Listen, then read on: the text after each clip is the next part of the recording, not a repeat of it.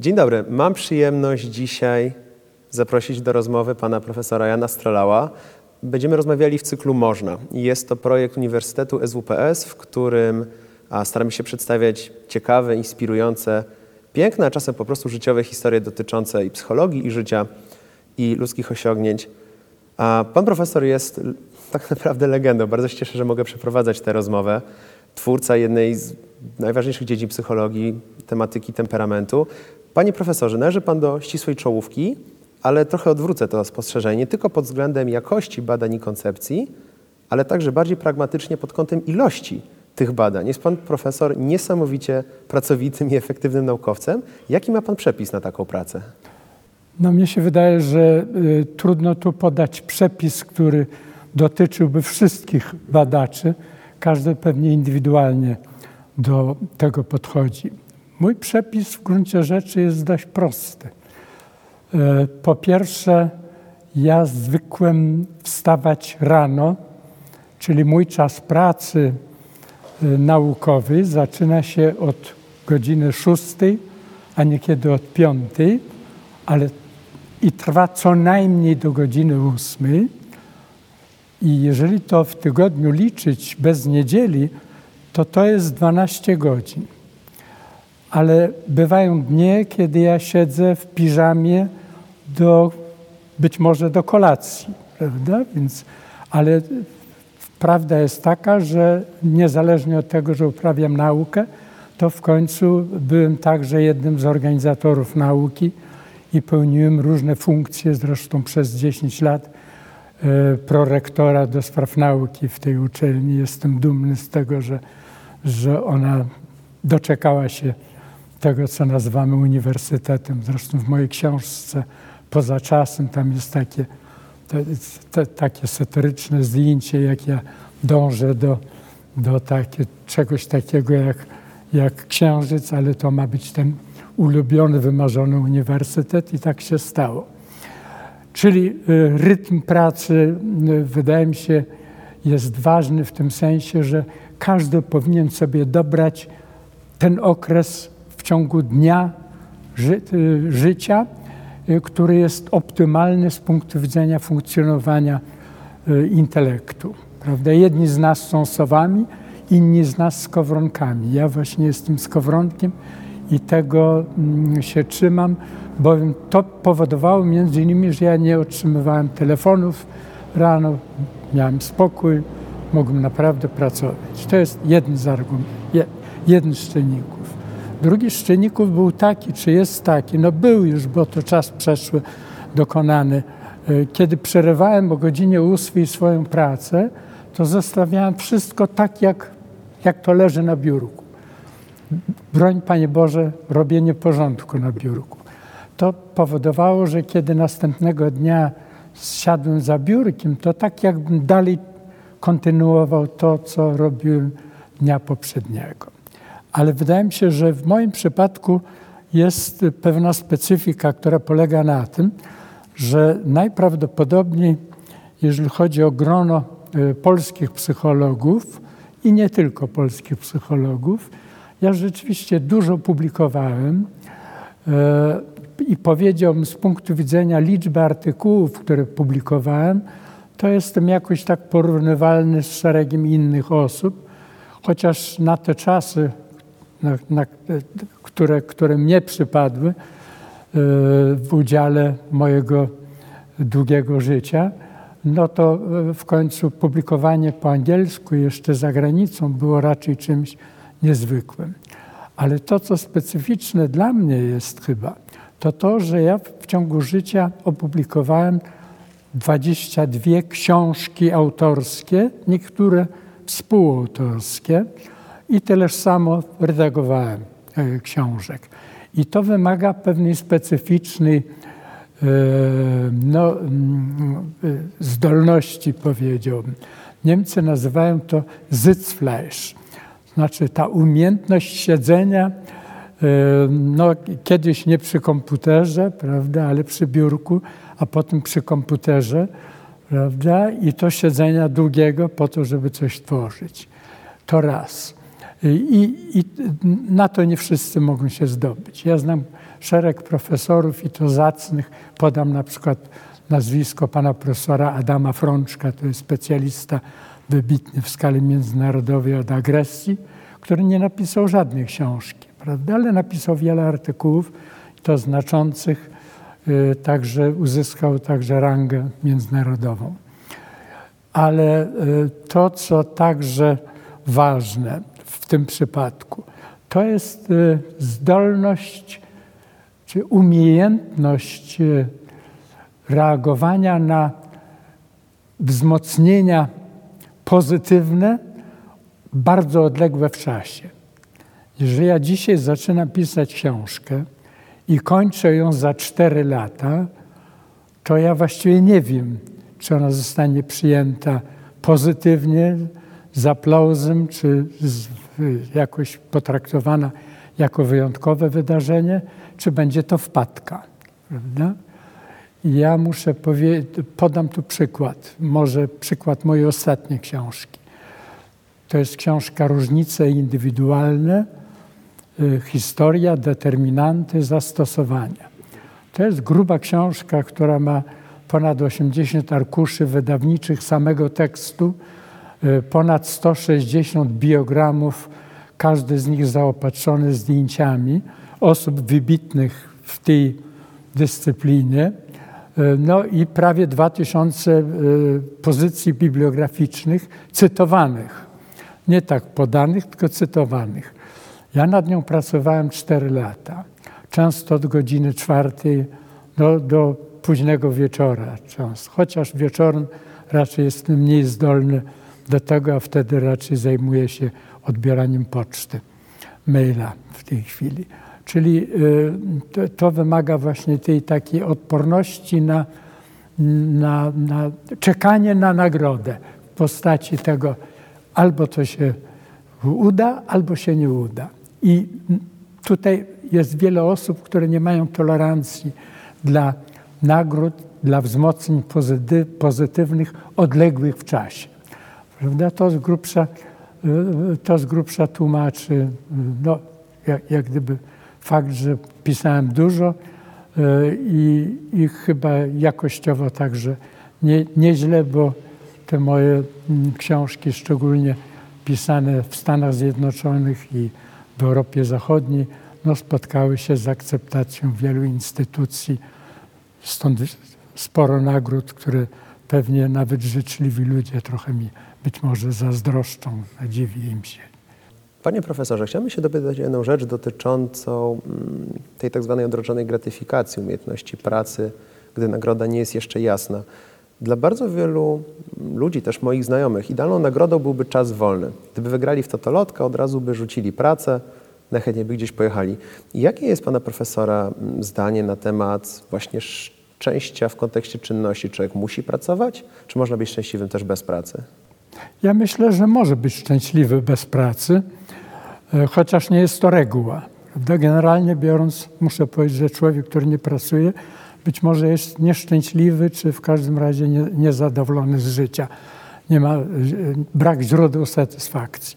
Ale może nie pracować. Jeżeli jest bogaty z domu, yy, są pieniądze na, na utrzymanie życia i prowadzenie tego życia w jakimś taki sposób w miarę satysfakcjonujący, to może uprawiać, ja wiem, sport wyczynowy y, po to, żeby zaspokoić swoje cele, o których marzy, prawda, czy żeby pokazać, na co go stać, żeby pokazać, że jest mężczyzną z, z krwi i kości, prawda, że jest tym czempionem. I wydaje mi się, że y, to może być źródło Y, także satysfakcji i szczęścia, nie wykonując pracy w sensie dosłownym. Czy wybitny sportowiec, ale amator, prawda, który ma bogatych rodziców albo bogatą żonę, czyli dla którego żona pracuje, tak, tak przecież w końcu bywa, uprawia szereg sportów, prawda, i to go całkowicie zadowala, ma z tego satysfakcję, jakoś się spełnia. I żona to toleruje, bo to, mu, to jej pośrednio także przynosi jakąś chwałę, radość, satysfakcję. Także ja myślę sobie, ale generalnie biorąc, ja sobie nie wyobrażam życia bez pracy. Prawda? Mi się wydaje, że praca jest jednak tym, co pozwala nam także weryfikować, na ile jesteśmy w stanie y, dążyć do celu, który sobie wytyczamy, y, no właśnie pracując zawodowo. Panie profesorze, a w kontekście ludzi, którzy no, muszą chodzić do pracy, nie mają małżonki albo małżonka, którzy wspierają, a bądź nie są z bardzo bogatego domu, czy istnieje sposób, by polubić cokolwiek, co się robi? Bo spotykam się często z opiniami, że ludzie pracują w pracy, której nie lubią. No ale muszą pracować. Każdy ma rachunki, każdy ma koszty życia. Czy człowiek może polubić cokolwiek, czy mimo jednak może się do czegoś wprost nie nadawać, nie polubić? To może zacznę od tego ostatniego wątku. Mianowicie proszę sobie wyobrażać, wyobrazić e, osobę, która charakteryzuje się wysokim poziomem inteligencji i która z konieczności wykonuje pracę, która nie odpowiada jej możliwościom intelektualnym. Powiedzmy, pracuje w biurze, przekłada kartki, być może jeszcze e, mniej zaawansowaną pracę wykonuje, niekiedy sprząta, czy jest na zmywaku, no to to powiedziałbym jest źródło do tego, aby popaść w niedalekiej przyszłości e, w, no, w chorobę, powiedziałbym. E, człowiek staje się lękliwy, popada w neurotyzm, czy staje się neurotyczny, apatyczny, depresja to są symptomy człowieka, który, którego możliwości intelektualne, a niekiedy fizyczne także, nie odpowiadają wykonywanej czynności.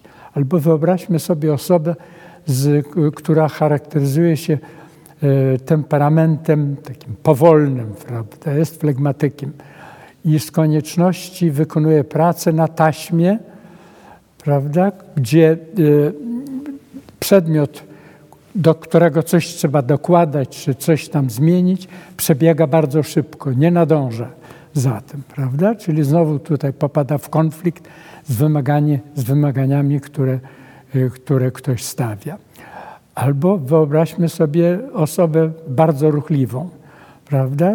która wykonuje, czyli sangwinika, która wykonuje monotonną pracę no to po, po paru y, tygodniach, miesiącach, y, być może po latach, ale wtedy z kosztami y, już powiedziałbym natury fizycznej, zdrowotnej, no, taki człowiek po prostu nie wytrzymuje tej, tej presji pracy związanej z tym, że jest konflikt między jego możliwościami fizycznie albo umysłowo uwarunkowanymi, a wymaganiami otoczenia, wymaganiami pracodawcy. Także e, natomiast myślę sobie, że tu mogą być pewne wyjątki, które polegają na tym.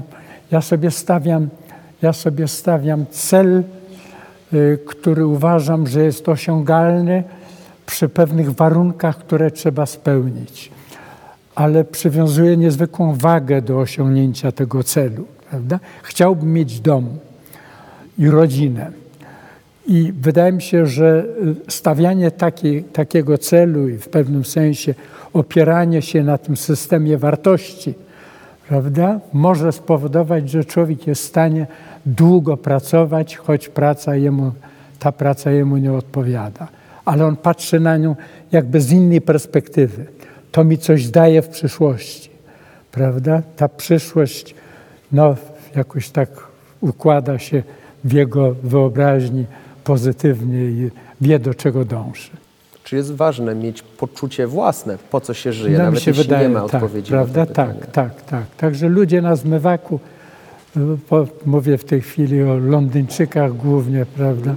Jeżeli widzą jakąś perspektywę tego, że stąd wyjdą, prawda? I jeżeli wytrzymają, przetrzymają, to e, osiągną zapewne to, do czego dążyli, albo prawie to, do czego dążyli. To się nie zawsze sprawdza, prawda? ale to inna sprawa. Panie profesorze, chciałbym pozostać w temacie mm, interpretowania trudnych sytuacji. Przeczytałem, szykując się do rozmowy z panem profesorem, książkę Poza czasem Wiedrzekę.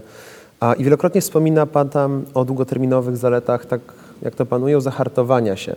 Nie miał pan profesor łagodnej, prostej młodości, tak jak wielu ludzi ma dzisiaj, a odniósł pan wielki sukces na polu rodzinnym i zawodowym i w książce przypisuje pan fragment tego sukcesu zawodowego i rodzinnego do tego, że się pan zahartował.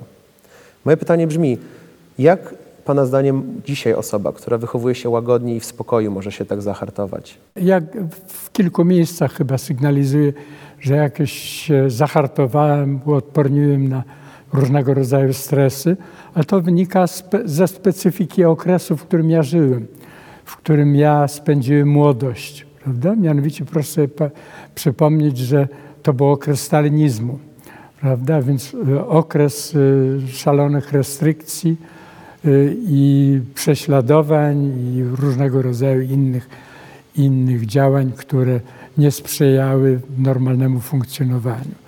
Nawiasem mówiąc, ja się głównie zahartowałem w swojej działalności jako młody człowiek, działając w harcerstwie. Mianowicie prowadziłem między innymi harcerską drużynę pożarniczą, która była jedyną strażą pożarną w mieście powiatowym Bytów przez okres jednego roku. To był rok 48-49. No i tam y, gasiliśmy 16-18-latkowie, bo tyle, tyle lat miała ta, mieli chłopcy w tej drużynie. Gasiliśmy autentycznie pożary, zagrody wiejskie, lasy i temu podobne, czyli jest to ta odporność na stresy typu fizycznego, prawda? Więc nie poddawałem się tej presji, nie miałem, miałem lęk, czy miałem obawę, prawda? Ale człowiek potrafi się kontrolować to jest ważne. Ale także miałem taką presję natury psychologicznej czy psychicznej, mianowicie w związku z tym, że y, działałem bardzo aktywnie w harcerstwie, a także w kościele jako, jako szef ministrantów E, to do mnie się przyczepiło, przyczepił Urząd Bezpieczeństwa i wymuszano na mnie no, po, wielu, po wielu spotkaniach e, donoszenie do, do, donosów na moich kolegów, na księży, proboszcza, który był harcmistrzem, nawiasem mówiąc, no i na, na osoby z mojego otoczenia.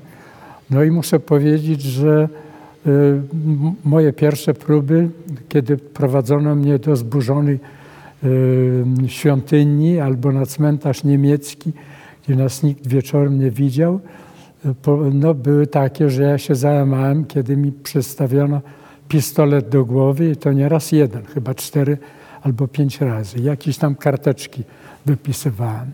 I z tym się czułem bardzo źle Y, do tego stopnia, że byłem w stanie pokonać swoje słabości.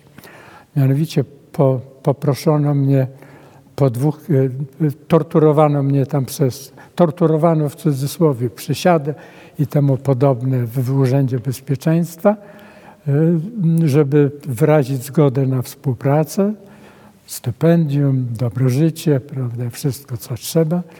No ja się na to nie zgodziłem miałem dwa tygodnie czasu. I po dwóch tygodniach czasu dyrektor e, liceum e, wzywa mnie do siebie i mówi Janku, e,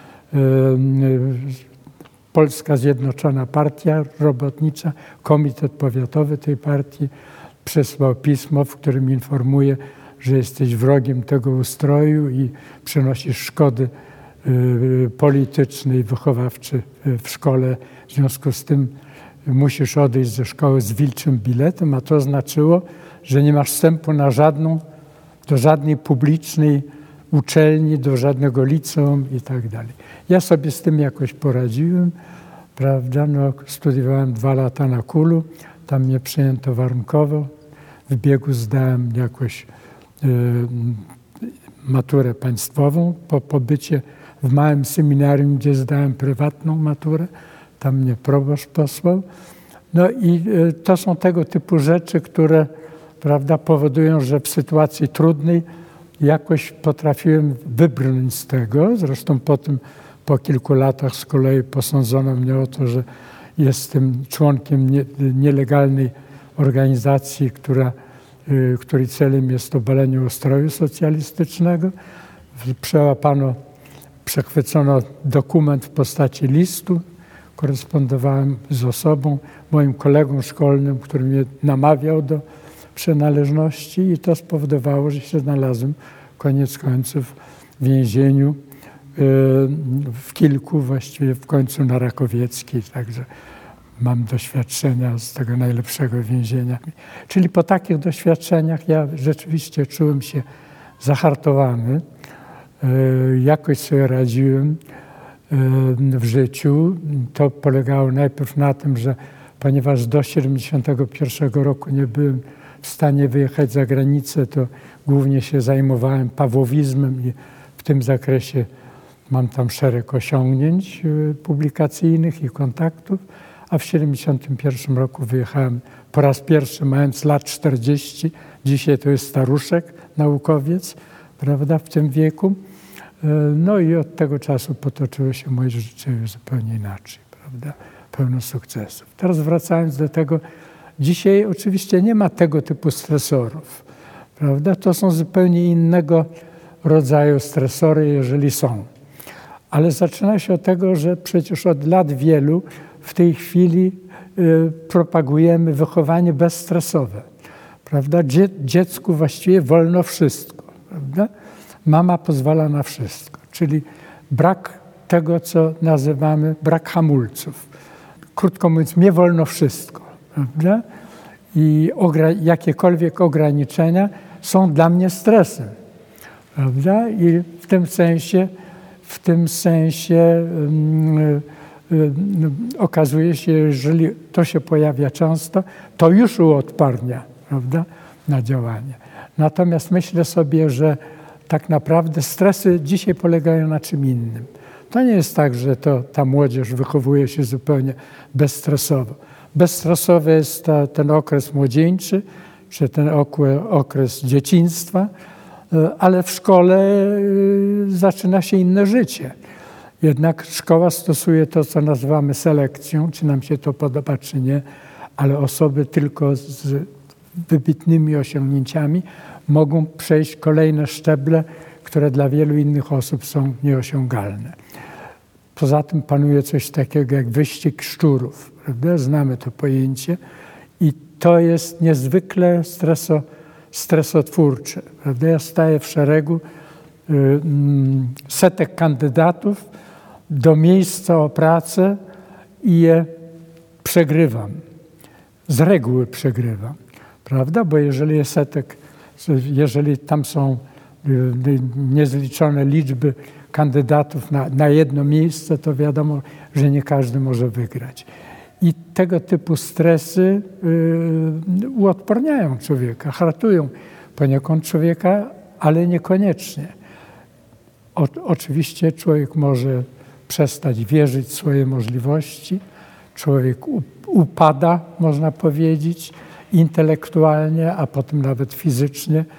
Yy, mamy osoby, które właściwie zupełnie sobie nie radzą w życiu, prawda, nie są w stanie nie są w stanie y, jakoś y, pozbierać się po szeregu klęsk, które doznają, prawda? I nie zawsze ratuje wyjazd za granicę, czy wyjazd do Londynu, czy innego kraju, bo tam także sobie nie radzą. Także mi się wydaje, że, że y, to nie jest tak, że ta młodzież dzisiaj jest, nie doznaje stresów, tylko te stresy są innego rodzaju. Nie ma mieszkania, prawda?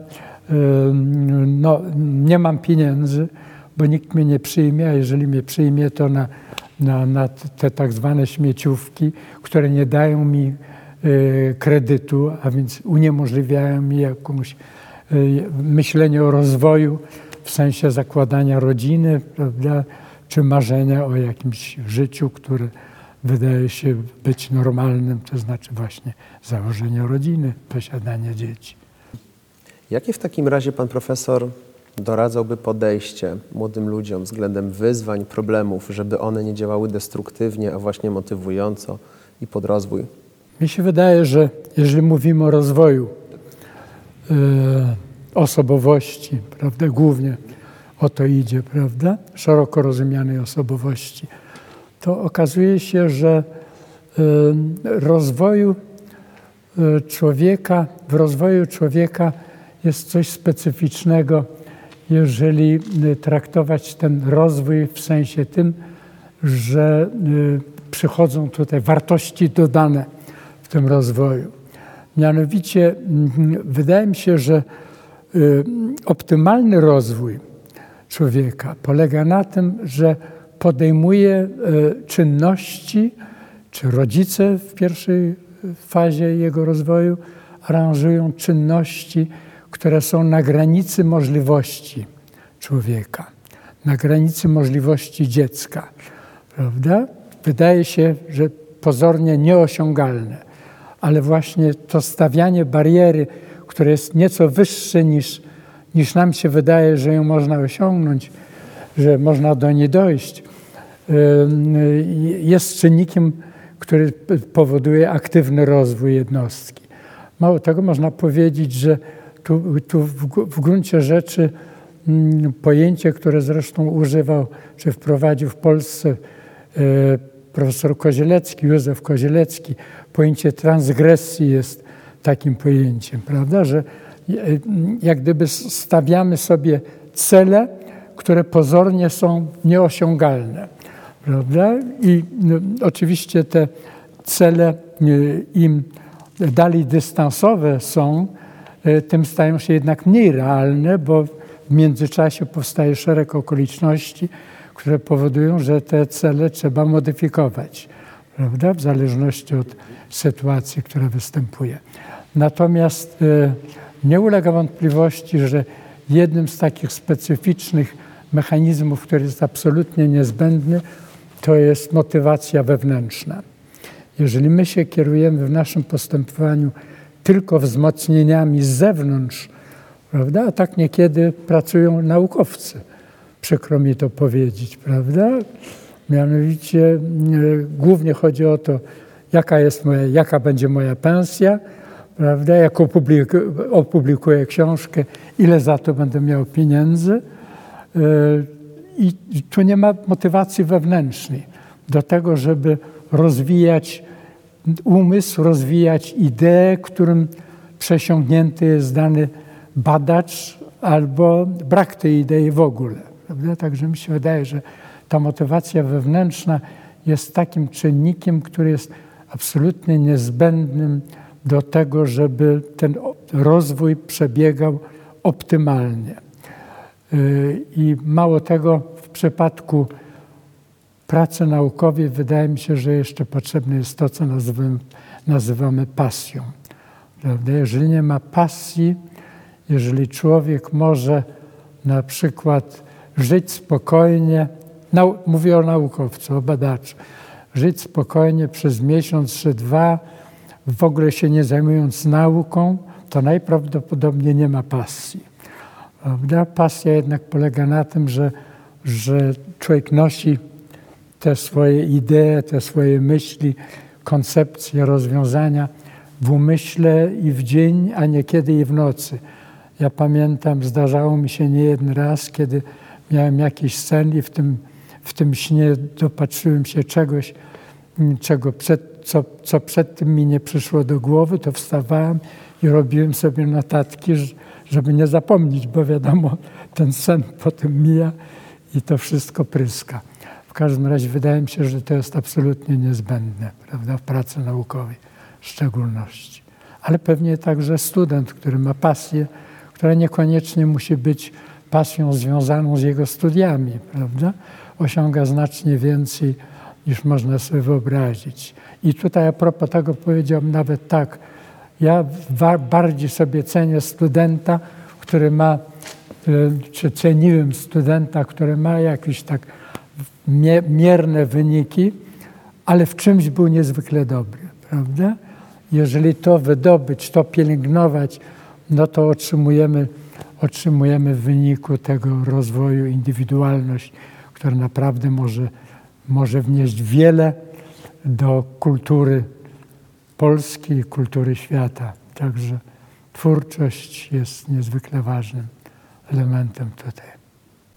W kontekście właśnie rozwoju indywidualnego jest pan profesor ekspertem od temperamentu, więc to jest interesujące pytanie. W jakim stopniu człowiek jest kowalem własnego charakteru, a na ile jednak po prostu musi żyć z tym, jak się w naturalny sposób urodził? Czy można mocno na siebie wpłynąć w toku życia, czy jednak właśnie lepiej skupiać się na naturalnych predyspozycjach? To zacznę może od tego, jak kiedyś napisałem książkę Rola temperamentu w rozwoju psychicznym w takiej serii, którą wydawała, redagowała niejaka pani profesor Przetacznikowa z Krakowa, świętej pamięci już dawno. I tam napisałem, tam się upierałem e, w stwierdzeniu, że cechy temperamentu są wrodzone i w zasadzie niezmienne. E, pod wpływem e, własnych badań prowadzonych przeze mnie, ale także przez moich współpracowników, między innymi profesora Eliasza, który był moim pierwszym doktorem i wieloletnim współpracownikiem. U mnie jeszcze się habilitował, prawda? Także, e, ale pod wpływem także dalszych badań, e, między innymi prowadziliśmy w, moim, w mojej katedrze na, e, na Uniwersytecie Warszawskim, katedrze psychologii różnic indywidualnych, badania nad genetyką zachowania, w paradygmacie genetyki zachowania, nad problemem, na ile cechy temperamentu i inne cechy osobowości, czy różnice indywidualne w tych cechach są dziedzicznie zdeterminowane, a na ile genetyczne. I otóż okazuje się, że, że środowisko ma wpływ także na rozwój temperamentu. I to się zaczyna od życia płodowego. Prawda? Powiedzmy, że jest czynnik genetyczny, który predysponuje do pewnych zachowań, ale ten czynnik genetyczny ulega modyfikacji już w życiu płodowym. Powiedzmy matka chroniczna alkoholiczka, czy chroniczna palaczka, e, czy używająca narkotyki, no, e, to matka, która powoduje, że w tym łonie powstają zmiany neurofizjologiczne, fizjologiczne, e, które, które wpływają między innymi na kształtowanie mechanizmów Y, fizjologicznych czy neurofizjologicznych, zmieniając jakby to, co jest genetycznie zdeterminowane. Nie zmieniają genów, ale zmieniają te mechanizmy neurofizjologiczne, genetycznie zdeterminowane. Ale okazuje się także, że w wyniku, że w wyniku y, bardzo silnych stresorów y, działających długo mogą nastąpić zmiany także w cechach temperamentalnych. Natomiast y, prawdą jest ta, prawda jest taka, że, że nie ma, nie ma mm, takiej właściwości czy zjawiska psychicznego, które byłoby wyłącznie genetycznie zdeterminowane. Podobnie jak nie ma zjawiska psychicznego, które byłoby wyłącznie środowiskowo uwarunkowane. Powiedzmy, mówimy, że postawy, system wartości to przecież nic innego jak wytwór środowiska. Środowiska rodzinnego, środowiska szkolnego i tak dalej, społecznego. Tymczasem no, prawda jest taka, że postawy i system wartości możemy kształtować tylko u człowieka, który ma specyficzny dla siebie dla gatunku Homo sapiens e, e, genotyp, prawda, które nie, nie występuje u żadnego zwierzęcia. Żadne zwierzę nie jest w stanie prawda, wytworzyć systemu wartości czy postaw. Czyli nawet w postawach i wartościach jest czynnik genetyczny. Czy my mówimy na przykład, że je, no, języka uczymy się przecież, no gdzie? w, w rodzinie, w szkole, prawda? Czyli jest to kompletnie wyuczona czynność. Ale do tej czynności trzeba specyficzny, specyficzny układ genów, który powoduje, że tę umiejętność możemy nabywać. Prawda? Czyli tutaj nie ma, nie ma czegoś takiego, jak jest genetycznie zdeterminowany i koniec. Prawda? Poza tym trzeba ciągle pamiętać o jednej rzeczy i tutaj na przykład psychoterapeuci często są w dość trudnej sytuacji, czy y, eksperci sądowi, którzy, którzy, są, którzy z pewnym prawdopodobieństwem wydają wyrok, że, że ten osoba X, ten przestępca, ma skłonność do przestępstw. Tego, tego się nie da określić w kategoriach pewności.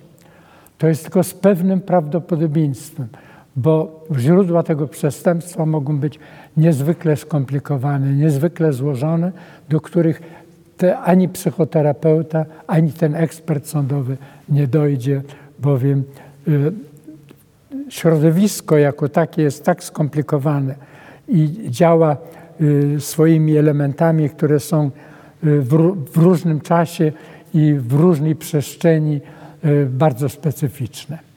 Panie profesorze, co jest pana profesora zdaniem kluczowe dla człowieka, by czuł tak zwany dobrostan, by czuł spokój, spełnienie, by czuł rozwój?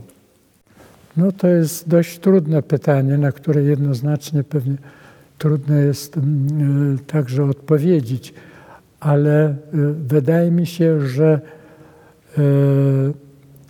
zaczyna się od tego, czy spokój koniecznie jest źródłem dobrostanu. To już mogła być Prawda? moja interpretacja, faktycznie. E, bowiem e, powiedziałbym, bardzo wiele osób raczej dąży do tego, żeby żyć e, nie w spokoju, a w takiej dynamice życia, która daje przede wszystkim jest źródłem zmian. A zmiany nie tolerują zbytnio spokoju. Prawda? Także, no ale to mniejsza z tym. Mnie się wydaje, że jednak takim głównym czynnikiem, który powoduje, że osiągamy dobrostan, czyli osiągamy to, co nazwałbym samospełnieniem się, prawda? Bo to w gruncie rzeczy o to chodzi. To jest to, jest to żebyśmy w swoim życiu, kierując się przyjętym wychowaniu systemem wartości, e, kierowali się w swoim życiu e, takim postępowaniem, które daje nam e, w dalekiej przyszłości, w sensie stawianych celów życiowych, no, zadowolenie i satysfakcję. Natomiast wydaje mi się, że problem tu polegać może na tym, że my niekiedy stawiamy sobie zbyt ambitne cele, zbyt ambitnie y, widzimy y, te nasze osiągnięcia, do których dążymy y, i nie jesteśmy w stanie je zrealizować. No to wtedy prowadzi to raczej do braku dobrostanu. Prawda? Ale wydaje mi się, że, że mm, takim głównym czynnikiem jednak tego, żeby, żeby osiągnąć ten dobrostan, jak Pan mówi, to jest to, żeby stawiać sobie cele, które są po pierwsze mają wartość w sensie społecznym i indywidualnym i które są osiągalne. Prawda? Ale im dalej w przyszłość e, rzucamy perspektywę tych celów, e, tym trudniej jest je realizować. Prawda? Ja wiem, jak kiedyś stawiałem sobie za cel, że chciałbym być lekarzem prawda? Ale moje losy życiowe potoczyły się zupełnie inaczej, chociaż okazuje się, że psycholog to także zawód, który niedaleki jest od lekarza w tym sensie, że może służyć człowiekowi, jednostce i tak dalej. Ale ja znam także osoby, które stawiały sobie za cel, yy, podam taki przykład. Yy, w, w, w gronie mojej dyscypliny jest taki wybitny, świętej pamięci już badacz Hans Eisenk, który y, jest właściwie najwybitniejszym badaczem, jeżeli chodzi o y, badanie osobowości rozumianej w kategoriach cech. Prawda? Ekstrawersja, neurotyczność, także temper cechy temperamentu mieszczą się w tym nurcie. On jest w pewnym sensie jednym z moich takich intelektualnych nauczycieli y, poza krajem, poza profesorem Tomaszewskim i Krojcem tu w kraju. Natomiast y, do czego dążę? Ja mam mm, taki, jeden z moich kolegów i w pewnym sensie uczniem, uczniem profesora Eisenka jest taki mm, pan doktor może nie będę wymieniał jego nazwiska, który sobie założył, że musi mieć więcej publikacji w swoim życiu niż Eisenk. A Eisenk miał ponad tysiąc artykułów i chyba 180 książek w swoim życiu.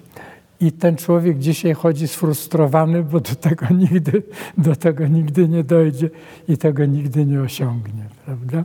A poza tym, ponieważ dąży do tego, żeby dużo publikować, to, to publikuje miernotę. Prawda? I, i, i, chyba nie na tym polega rzecz. Ciekawy wiąże z tym, co pan profesor zauważył wcześniej, bo jest to cel oparty o coś zewnętrznego, no tak, a nie wewnętrznego. To jest motywacja zewnętrzna, mhm. prawda? Która, która jak najbardziej tu pan trafnie to ujął. A chciałbym zwrócić jeszcze mm, uwagę w tej naszej rozmowie. Panie profesorze, był pan związany z wieloma różnymi uczelniami, ostatnio mocno z SWPS-em, Uniwersytetem SWPS, a widział pan bardzo wiele badań, był pan zresztą też częścią mm, merytorycznej, mm, zwierzchniej opieki nad wieloma badaniami. Pana profesora zdaniem, które obszary życia człowieka warto zbadać teraz w przyszłości, które może powinny inspirować naukowców? W czym pan profesor widzi teraz taką przyszłość psychologii? Być może nieodległą, być może odległą. No, znowu jest to mm, dość trudne e, pytanie w tym sensie, że zresztą pan w tym pytaniu także pyta jakoś chyba o takie szkoły e, w polskiej psychologii, prawda? Ja bym powiedział, ja takich szkół nie, do, y, nie dostrzegam. Y, to stwierdzenie jest trochę pejoratywne, prawda? Ale mi się wydaje, że, że tak chyba dzisiaj jest, że między innymi ten system grantowy, który w tej chwili mamy, nie sprzyja rozwijaniu czegoś takiego, co nazywamy y, szkołą, czyli gdzie, się, gdzie jest nauczyciel i uczeń, prawda? Uczony profesor z reguły autorytet, prawda, który ma wielu uczniów. No jeszcze w czasie mojej generacji rzeczywiście to miało miejsce. No tak jak mówię, moimi uczniami by, byli wybitni dzisiaj naukowcy. Profesor Eliasz, Zawadzki, Oniszczenko, no i to Matczak, i no wiele, wiele innych osób. Dzisiaj raczej się uprawia tę naukę trochę inaczej polujemy na granty, które nam dają pieniądze i realizujemy to, e, co zapewnia nam po pierwsze możliwość funkcjonowania w tej szkole, w tej uczelni, ale rozwijamy, rozwijamy tę naukę trochę tak jakby cząstkowo. To jest trochę tak, jak Niemcy mówią, fliegen de Holländer. Przeskakuje z jednej działki na drugą. O, tu są pieniądze, więc idziemy w to, prawda? Albo idziemy w tamto. Proszę Pana, ja myślę sobie, że tak, takimi dziedzinami, które ja bym widział, które mają perspektywę rozwoju, to na pewno jest y, to, co się wiąże z nazwą naszej szkoły i w tym sensie, w tym sensie usprawiedliwiona była nazwa, z którą ja się nie zgadzałem, y, Szkoła Wyższa Psychologii Społecznej. Ja byłem przeciwko tej nazwie, zaraz powiem dlaczego. Dlatego, że psychologia społeczna jest jedną z ponad 30 psychologicznych dyscyplin. Prawda? Jedną z 30. Więc określono e, profil tej szkoły niezwykle wąsko. Prawda? Ale okazało się, że to jakoś chwyciło i to potem zresztą no, dzisiaj e, ta nazwa Szkoła Wyższa Psychologii Społecznej, gdzie kształcimy prawników, speców od kultury, speców od języka i temu podobne, no, w ogóle nie przystaje, prawda? Ale zdecydowaliśmy się długo, żeby jednak tę nazwę utrzymać i zmienić dopiero wtedy, kiedy będziemy mieli uprawnienia do, do, do tego, by mieć ten status uniwersytecki. Zresztą 10 lat jako prorektor do spraw nauki w tej szkole na to także ciężko pracowałem. Ale wracając do, do, do tego, co ja bym widział, ale psychologia społeczna jest niewątpliwie jedną z tych dyscyplin, która odegra w, przyszłości bardzo wielką rolę. Między innymi y, dla, między innymi jako, jako y, dyscyplina, która pozwala na na kształtowanie umiejętności niezbędnych funkcjonowaniu y, psychologa albo y, niekoniecznie psychologa w, y, w warunkach życia społecznego i zawodowego, prawda? Ona jest wszędzie w tej chwili, właściwie te społeczne umiejętności są potrzebne w każdej klinice, w każdym przedsiębiorstwie i niemalże we wszystkich rodzajach zawodów typu wojsko, straż pożarna, więziennictwo i temu podobne. I w tym sensie ja widzę w tym dużą przyszłość. Mi się wydaje, że y, z kolei z punktu widzenia poznawczego, y, z punktu widzenia poznawczego niewątpliwie przyszłość należy do neuronauki, y, czy do neurokognitywistyki, węziej rzecz traktując, bowiem to jakoś sprzyja poznaniu mechanizmów, które leżą u podstaw funkcjonowania umysłowego człowieka, chociaż ja tu jestem takim umiarkowanym optymistą, w ogóle jestem optymistą, ale tu jestem umiarkowanym optymistą w tym sensie, że ja nie sądzę, że dojdziemy kiedyś do, do pełnego poznania mechanizmu neurofizjologicznego, który leży u podstaw inteligencji. Ja nie, Państwo tego że Pan tego na pewno jeszcze nie doświadczył, ale ileś lat temu w Gazecie Wyborczej opublikowano artykuł e, Odkryto gen odpowiedzialny za inteligencję. No oczywiście to, e, to się nie sprawdziło, chociaż e, człowiek, który nad tym pracował, taki mój także przyjaciel, z którym razem publikowaliśmy, no, okazuje się, że to mapowanie genów daje pewne wyniki, ale nie takie, jakbyśmy oczekiwali. Także sądzę, że tej prawdy absolutnej, do tej prawdy absolutnej, jaki jest mechanizm neurofizjologiczny inteligencji, nie odkryjemy. Tym, tym niemniej jednak zbliżamy się jakoś do tego. Natomiast e, wydaje mi się, że także takim działem, który jest niezwykle ważny, to i on, on związany jest zresztą z tym, czego dzisiaj doznajemy, to są badania nad problematyką stresu i mechanizmami, które pozwalają jakby walczyć ze stresem. I te to, to jest oczywiście duża, duża praca i duża działka także do badań dla psychologów, y, którzy w to w tej chwili się już angażują, ale jesteśmy dalecy od poznania wszystkich mechanizmów tego walczenia z tym zjawiskiem, jakim jest stres, prawda? Różnego rodzaju. Stres walki, ale także stres y, związany z presją czasu, czego doznajemy praktycznie biorąc na, na co dzień. Także mi się wydaje, że to są te. Y, no i psychologia zdrowia szeroko rozumiana, to są chyba te działy, które niewątpliwie będą zyskały na popularności.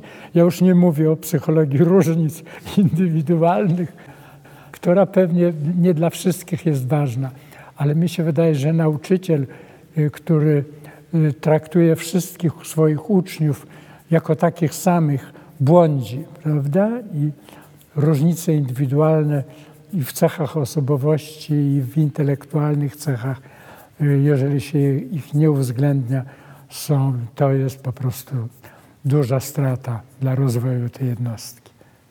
Panie profesorze, chciałbym ostatnie pytanie zadać zgodne z tym, co pan profesor sam o sobie powiedział. Co napawa pana optymizmem, gdy patrzy pan profesor w przyszłość?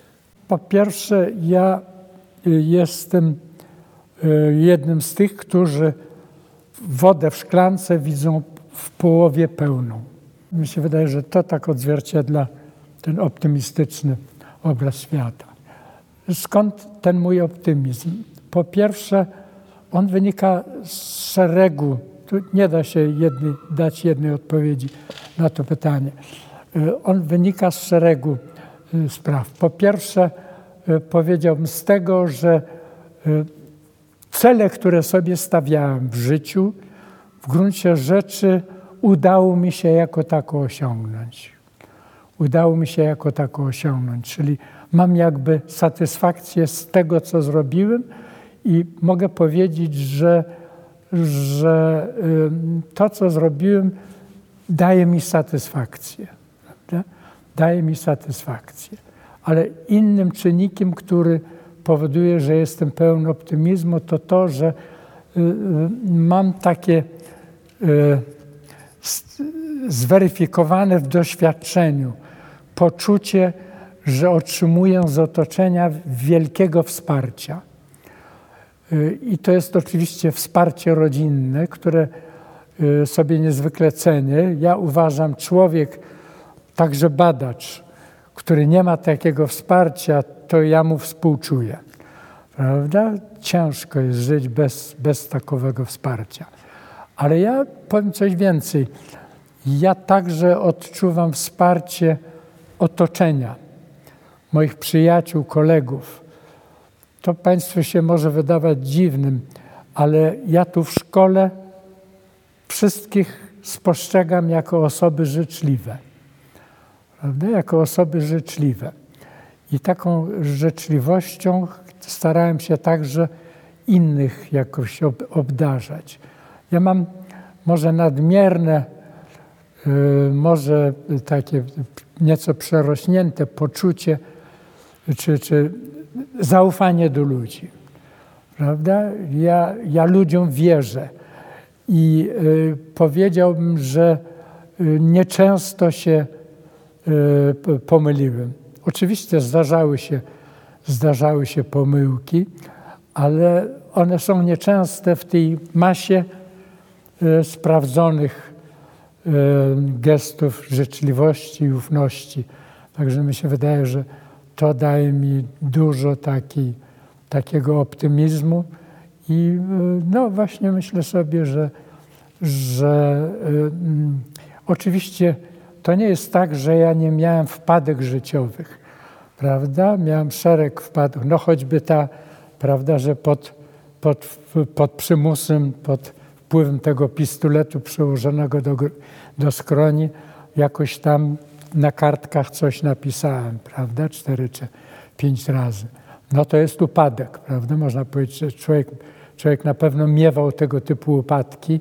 Ja nie jestem wolny od nich, ale ja potrafiłem się jakoś podnieść z tych upadków i w tym także widzę dużą taką satysfakcję i to, że no w każdym razie to w sumie składa się na to, że uważam siebie za takiego spełnionego, prawda? Jak będę odchodził z tego życia, to z takim dużym komfortem. To piękna myśl. Panie profesorze, bardzo dziękuję za czas i rozmowę. Dziękuję.